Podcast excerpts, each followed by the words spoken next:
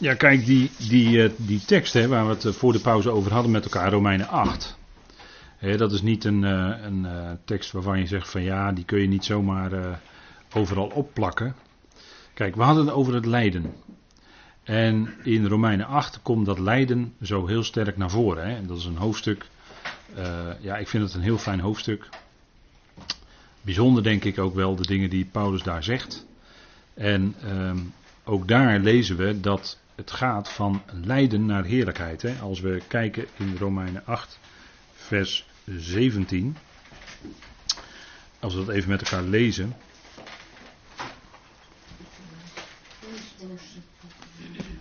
Romeinen 8.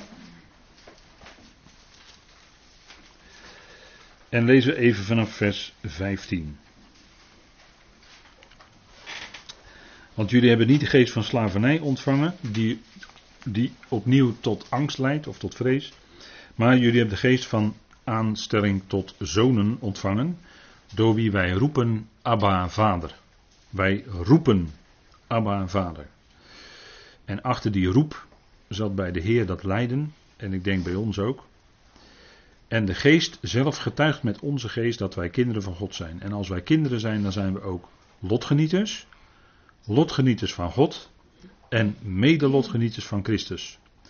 Wanneer wij met Hem lijden, opdat wij ook met Hem verheerlijkt worden. Dus is dat weer, hier hebben we weer dat lijden van Christus, dat wij gezamenlijk met Hem lijden. En als wij lijden, dan lijden dus de leden van zijn lichaam. Hij is het hoofd nu en wij zijn nu zijn leden. Dus als wij lijden, dan lijden zijn leden nu. Zo moet u dat zien. Hè? En dan, dan leiden we gezamenlijk met Christus. Maar dat is opdat wij ook met Hem verheerlijkt worden. Kijk, hier hebben we het weer. Hè. Het lijden is er. En dat is helemaal geen makkelijke weg. Maar dit is hier ook weer specifiek. Vers 17 is ook specifiek het lijden gezamenlijk met Christus. Dus dat is ook het lijden omwille van dat woord. Het lijden omwille van de dingen van God. Dat we daar mee bezig zijn. Dat we daarin dienen. Want wat je ziet in de brieven van Paulus, is dat waar je bezig bent met dienen en je gaat daarmee door, dan leidt dat op den duur tot lijden. Paulus, bij Paulus was het ook zo. Hij diende en op een gegeven moment bezorgde hem dat ook lijden in zijn leven. En zo is het ook met ons. Um, Filippenzen is de brief van, waar, uh, van dienstbetoon. Dienstbetoon en wandel zeggen we dan. Maar ik zou willen zeggen. Filippenzen is de brief van het dienstbetoon en lijden. En natuurlijk staat in vers 8 van hoofdstuk 2 ook het lijden, het kruis centraal. Het kruis ook als uh, heel wezenlijk, hè, de dood van het kruis, heel wezenlijk, heel kern, dat is de kern van alles. Um, en daarachter natuurlijk de opstanding. Uh, Paulus die uh, kon zich in dat lijden om Christus en met Christus ook verheugen. Kijk, ik had het net over de leden van zijn lichaam dat die lijden. En dat vinden wij ook als u deze dia ziet, Colossense 1 vers 24. En daar heb ik weer datzelfde zinnetje bij gezet. Verblijden om het lijden, want daar komt het ook voor. Niet alleen bij de apostelen van de besnijdenis, maar we zien het op een hele bijzondere manier bij Paulus. En we zien ook dat uh, die boodschap van verzoening, uh, die wordt natuurlijk bekendgemaakt. En uh, dat is ook dienen in het evangelie, als we die op een of andere manier bekendmaken, die boodschap. Dan is dat dienen, en dat dienen, dus dat uitdragen van die verzoening, dat brengt op een gegeven moment ook lijden met zich mee. Net zoals de Heer zelf leed, in vers 19 wordt ook genoemd, hè, op vers 20, het bloed van zijn kruis. Dus dat duidt op het enorme diepe lijden en de schande de verachting van het kruis, hè, het lijden van het kruis, het bloed van het kruis. Dus het ging door heel erg diep lijden heen, maar het levert wel op de verzoening van alles. Wij zijn geen alverzoeners, maar God verzoent alles met zichzelf door de dood van de zoon. Dat is het evangelie. En dat betekende ook in het leven van de apostel Paulus een stuk lijden. Want hij zegt dat um, vers 23. Aangezien jullie blijven bij het geloof, gefundeerd en bestendig, en niet verplaatst van de verwachting van het evangelie, dat jullie horen dat in heel de schepping onder de hemel verkondigd wordt, waarvan ik, Paulus, dienaar werd. Dienaar, daar heb je dus het dienen. Nu verheug ik mij in mijn lijden. En direct daarna spreekt hij dus over het lijden. Dus dat lijden zit gekoppeld aan dat dienen. Ter wille van jullie en vul in zijn plaats in mijn vlees aan wat ontbreekt aan de verdrukkingen van Christus. Ter wille van zijn lichaam, dat is de uitgeroepen gemeente. Dat is heel bijzonder hè, wat hij hier zegt.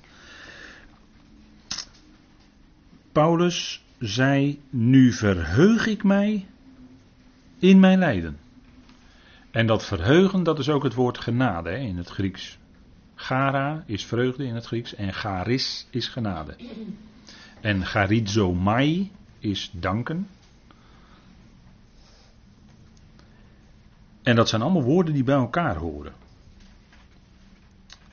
Dus Paulus koppelt dat woord gara, dat verheugen, koppelt hij aan het lijden. Hè? Nu verheug ik mij in mijn lijden, ter wille van jullie. En dat is de verdrukkingen van Christus. Dat zegt hij hè, in hetzelfde vers. En vul in zijn plaats in mijn vlees aan wat ontbreekt aan de verdrukkingen van Christus. Dus daar waar geleden wordt door gelovigen, dan is dat ten diepste verdrukkingen van Christus. En Paulus deed dat ter wille van zijn lichaam. Had een unieke positie als apostel. Hij moest dat woord uitbrengen. En dan spreekt hij in vers 25 weer over dienen. Van haar werd ik dienaar in overeenstemming met het beheer van God dat mij gegeven is voor jullie, om het woord van God compleet te maken. Dus Paulus' leven was dienen in het woord en daarin bezorgde hem dat lijden, heel veel lijden zelfs. En dus het, de weg van Paulus was helemaal geen succesverhaal in wereldse zin. Hij vergaarde daarmee geen letterlijke rijkdommen. Integendeel zelfs. Bij gelegenheid was hij alles kwijt. Naar de mens. Maar hij over, hem overkwam lijden. Op allerlei mogelijke manieren. En dat was allemaal lijden ter wille van Christus. Lijden voor Christus. En lijden voor in het dienen van het lichaam van Christus. En daarin verheugde hij zich. En dan kun je ook zeggen, het is verblijden om het lijden. En als de mensen jou dan links laten liggen, of misschien wel in je familie het allemaal moeilijk ligt omdat jij dit gelooft, ja, dat is een stuk lijden. Als die verwijdering daar komt omdat jij deze dingen gelooft, dat God de redder is van alle mensen, dat God alles met zich verzoent, dat daardoor verwijdering komt in de familie, dat is een stuk lijden, ja. En eh, op zichzelf genomen zou je graag contact hebben, meer contact misschien willen hebben met, maar dat lukt niet. Dat is een stuk lijden. En dat is dan lijden omwille van Christus, lijden omwille van het woord. En, en dat, dat is datgene waar Paulus zich in verheugde. En, en ik denk dat dat een voorbeeld is ook voor ons. Dat als je beseft van ja, maar dat is, het is voor hem. En de heerlijkheid die wacht is zo overweldigend groot. Dat is wat gaat komen in de toekomst. Dan kun je ook doorgaan. Hè? Je houdt de ogen gericht op die heerlijkheid die komt. en dat lijden in ons leven, dat is er niet voor niets. want als ik terugga naar Romeinen 8, dan is daar dat lijden en dan is dan die bekende woorden van dat God ook dus dat lijden doet samenwerken tot het goede.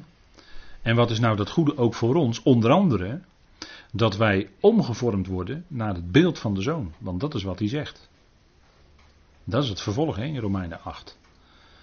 God doet alles voor degenen die God lief hebben, samenwerken tot het goede.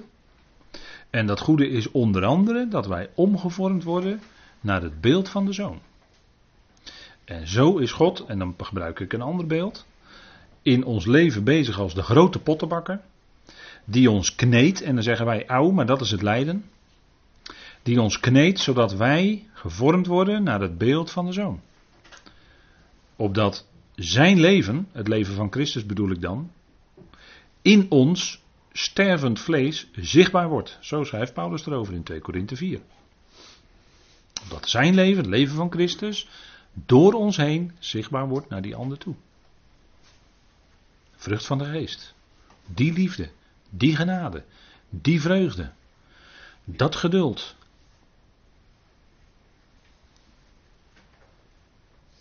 Die trouw. Die zelfbeheersing of inhouding. Je houdt je in. Je houdt je woorden in. He, zelfbeheersing, vrucht van de geest. Je houdt je woorden in. Je reageert niet gelijk. Dat is ook vrucht van de geest hoor, dat je dat kan. Dat je geen kort lontje meer hebt. Dat is allemaal wat hij in je werkt. En daartoe zet God dus bij gelegenheid ook lijden in ons leven in en verdrukkingen.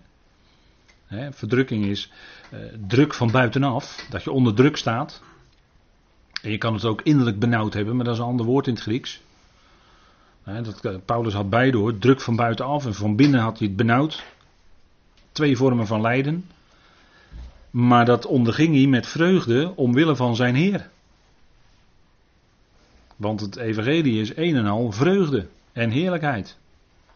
Ja, dat is het, hè? Dat, dat werkt hij uit. Verblijden om het lijden. Dat zijn we vanavond een paar keer tegengekomen. Hè? En, en als u dat. Uh, ja, daar zijn in het verleden best wel Bijbelstudies ook over gegeven. Hè, dit thema van het lijden, daar zouden we seizoenenlang met elkaar over kunnen spreken. Dat is een heel groot thema in de schrift. Ook bij Paulus. En dat is juist zo wezenlijk voor ons, omdat het ons overkomt. Ieder mens overkomt vormen van lijden. Maar voor ons is nog een extra dimensie, het geestelijke lijden, omwille van Christus. Omwille van jouw Heer. En als het, als het daarom gaat, ja, dan kun je je verblijden. Want dan zeg je, ja, dat, maar dat is mijn Heer. En die heeft mij zoveel vreugde in mijn leven gegeven. Daar ben ik zo dankbaar voor. Dan wil ik met vreugde voor hem lijden. Maar dan heb je stappen gemaakt hoor in je geloofsleven. Dan heeft God met jou stappen gemaakt, kan ik beter zeggen. Maar zo is het, zo is het dan wel een heel andere kijk geworden op dat lijden. Hè? Maar het is een groeiproces, het is een ontwikkeling. Stapje voor stapje. Groeien daarin. En, en zo was Paulus bezig hè, in zijn leven. De gemeenschap van zijn lijden. dat, dat lijden staat trouwens, heb ik ook aangegeven, in het meervoud hier, hè, in, in het Grieks. Het lijden, gemeenschap van zijn lijden. Dat woord lijden staat ook in het meervoud. Dat wil nogal wat zeggen natuurlijk. En dan het volgende aspect. Gehoorzaamt uh, gelijkvormig wordend aan zijn dood. Dus dan gaat het heel diep hoor. Dan gaat het heel ver. het lijden en dan ook nog gelijkvormig wordend aan zijn dood. Want dat is het volgende wat hij zegt in Filippenzen 3. Filippenzen 3, vers 10 en 11. Om hem te kennen de kracht van zijn opstanding en de gemeenschap van zijn lijden, gelijkvormig wordend aan zijn dood. En, en wat bedoelt Paulus dan? Wat bedoelt hij dan? Nou, dat heeft alles te maken met Romeinen 6 natuurlijk. Het heeft alles te maken met Romeinen 6. Romeinen 6 gaat het om ons allemaal, Romeinen 6, dat onze oude mens, laten we even in Romeinen 6 lezen. Romeinen 6.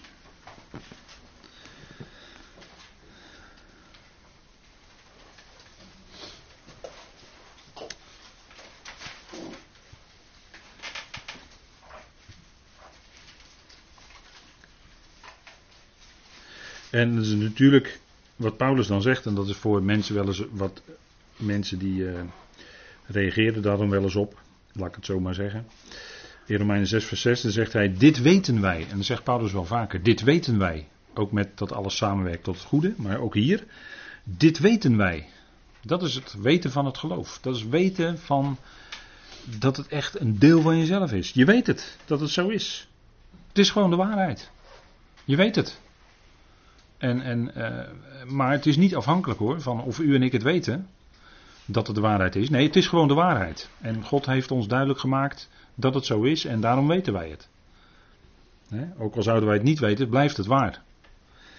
Dit weten wij toch, dat onze oude mens mede gekruisigd is, gezamenlijk gekruisigd is.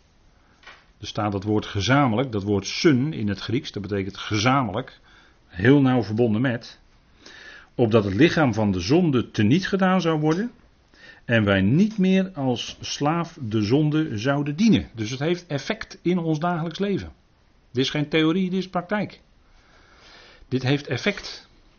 Dit werkt iets uit in ons dagelijks leven. dat wij naar ons lichaam niet meer de zonde dienen. Nee, nu, nu gaan de ledematen van ons lichaam hem dienen.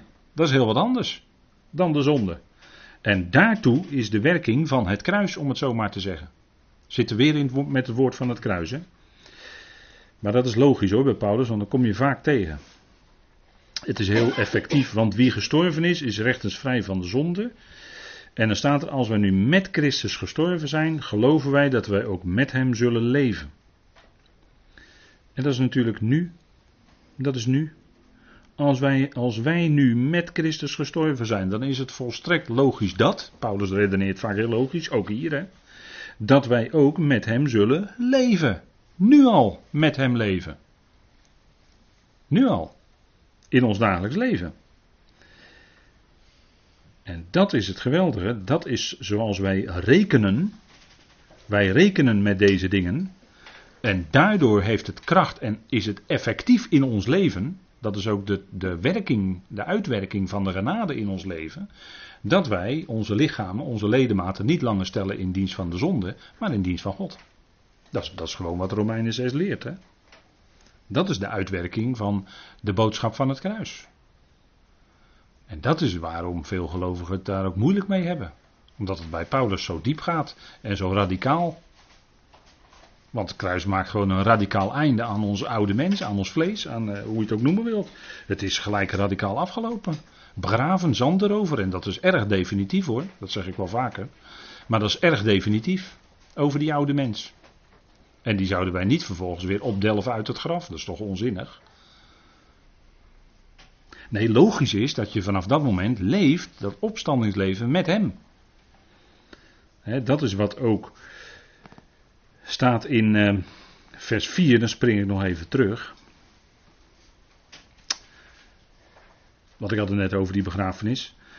Wij zijn dan met hem begraven door de doop in de dood. Dat is ook evangelie hoor, dat hoort bij het evangelie. Opdat evenals Christus uit de dood is opgewekt door de heerlijkheid van de Vader, zo ook wij in een nieuw leven zouden wandelen. In de toekomst te midden van de hemelingen? Ja, zeker, maar ook nu al. Ook nu al. Ook nu. In ons dagelijks leven. In nieuwheid van leven wandelen. Want als wij met hem één plant zijn geworden, gelijk gemaakt in zijn dood, zullen wij het ook zijn in zijn opstanding, staat er dan. Dus dat is, dat is één op één. Hè? Niet alleen één plant met hem vergroeit in zijn dood. Dus we zeggen al dat oude gaat aan de kant. Maar ook die één vergroeiing met hem in zijn opstanding. In dat opstandingsleven. En dat ook uitleven. Dat is een prachtig beeld van die, die plant die dan helemaal samengroeit met de andere plant. Dat is het beeld wat Paulus gebruikt. Dit weten we toch. En dan komt die oude mens, die gaat helemaal aan de kant. En dat is de vreugde van het evangelie. Daar word je ook blij van, dat die oude mens helemaal aan de kant gaat. En dat die nieuwe mens tevoorschijn komt en dat die geleefd wordt. En dat is ook wat Paulus zegt. Laten we die andere tekst ook even opzoeken. In 2 Korinthe 4. 2 Korinthe 4. Want dat is het gelijkvormig worden aan zijn dood. Gelijkvormig worden aan zijn dood. Dat betekent de dood van de oude mens. De dood van het vlees wat mede gekruisigd is en leven met Hem. Dat is gelijkvormig wordend aan zijn dood. Want Paulus gebruikt hier niet een verleden tijd, maar gebruikt een werkwoord wat aanduidt dat de handeling nog aan de gang is. Gelijkvormig wordend. U hoort het al, hè, als ik het zo zeg. Maar we zijn tegenwoordig niet meer zo goed in Nederlandse taal, want we sturen alleen maar hele korte tekstberichtjes van drie woorden. Dat is dan een zinnetje en dan moet je het weten. Maar taal is gelijkvormig wordend aan zijn dood. Dat wil zeggen, dat is een proces. Filippenzen 3. En zo schrijft hij er ook over in 2 Korinthe 4.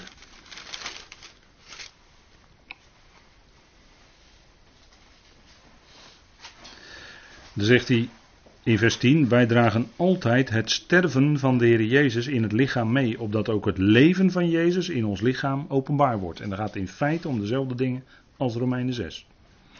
Want wij die leven worden voortdurend aan de dood overgegeven om Jezus wil, opdat ook het leven van Jezus openbaar wordt in ons stervend vlees.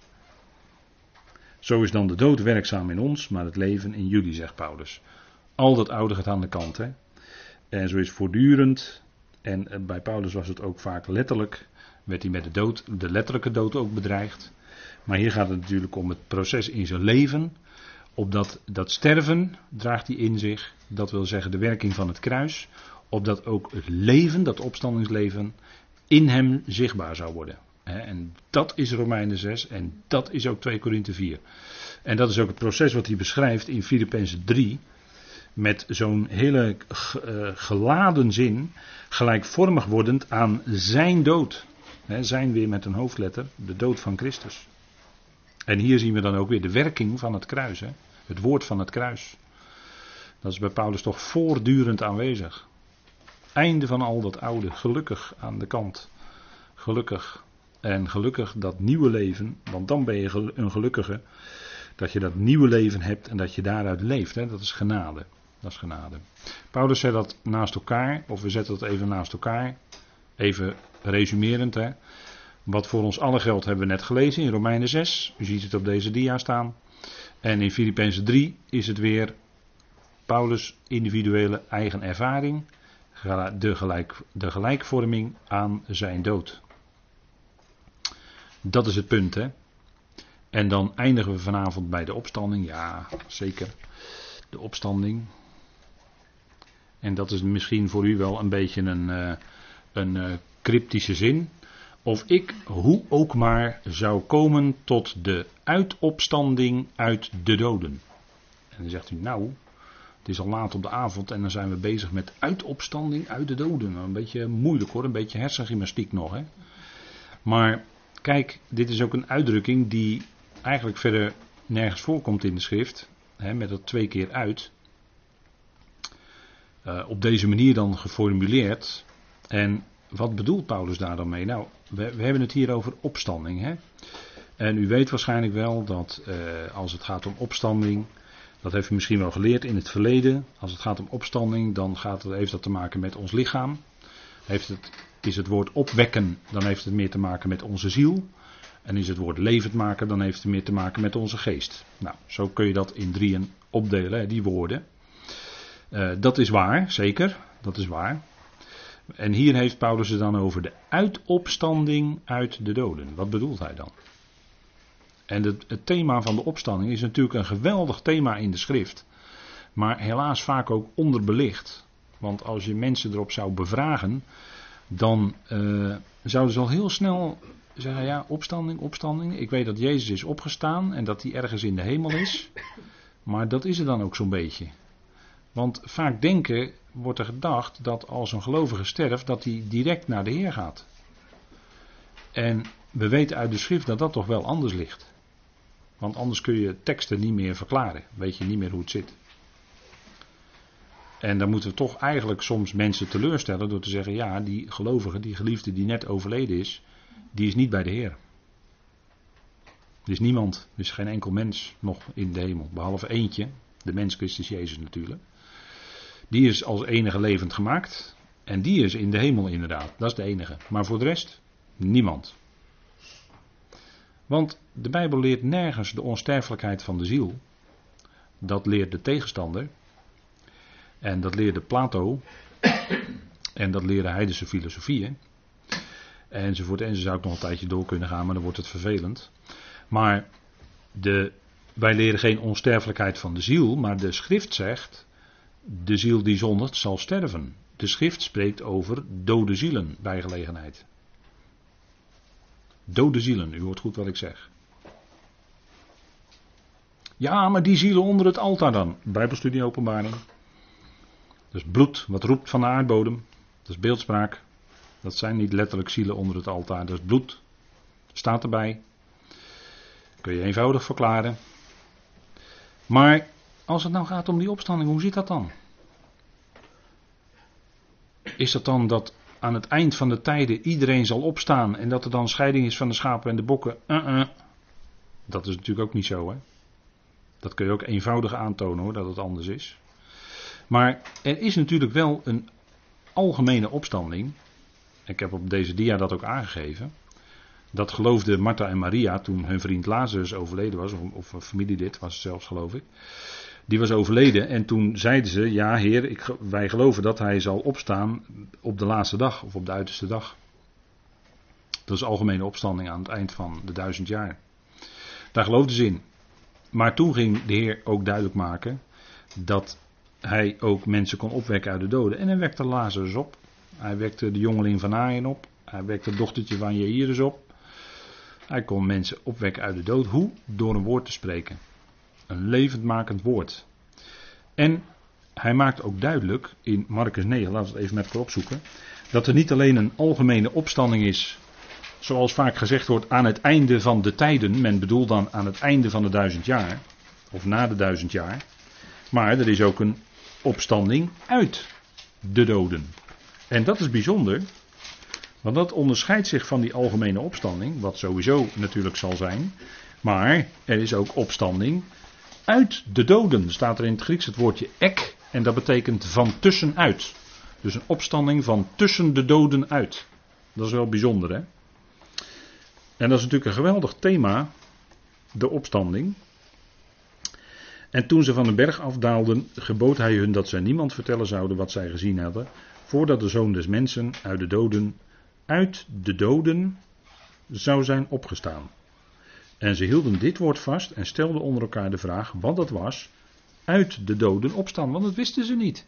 Die discipelen wisten dat niet. Zij kenden geen opstanding uit de doden. Zij kennen alleen een algemene opstanding. Op de, wat de kerk dan zegt, de jongste dag. Met de schapen en de bokken. Maar dat ligt wel anders, hè. De schapen en de bokken weet u ook dat het gaat om volkeren, dat is ook allemaal anders. Maar het opstanding uit de doden, ze vroegen zich dat af. Hoe kan dat? Nou, dat zou hij zelf ook zijn. Hè? Maar Lazarus was ook iemand die werd opgewekt van tussen de doden uit. Dat deed hij dus bij zijn leven nog. Dat was ook een opstanding uit de doden. En hij moest de naam zeggen, want anders was iedereen opgestaan. Hè? Als had hij gezegd, sta op, dan was iedereen opgestaan. Alle mensen. Maar hij zegt, Lazarus, hij moest de naam noemen, sta op. En dan staat die één op. Kijk, dat is de kracht van zijn woord. Daarom moest hij die naam zeggen. Maar er wordt ook gesproken, in, op deze dia heb ik nog een zestal teksten gezegd, die moet u maar eens nazoeken.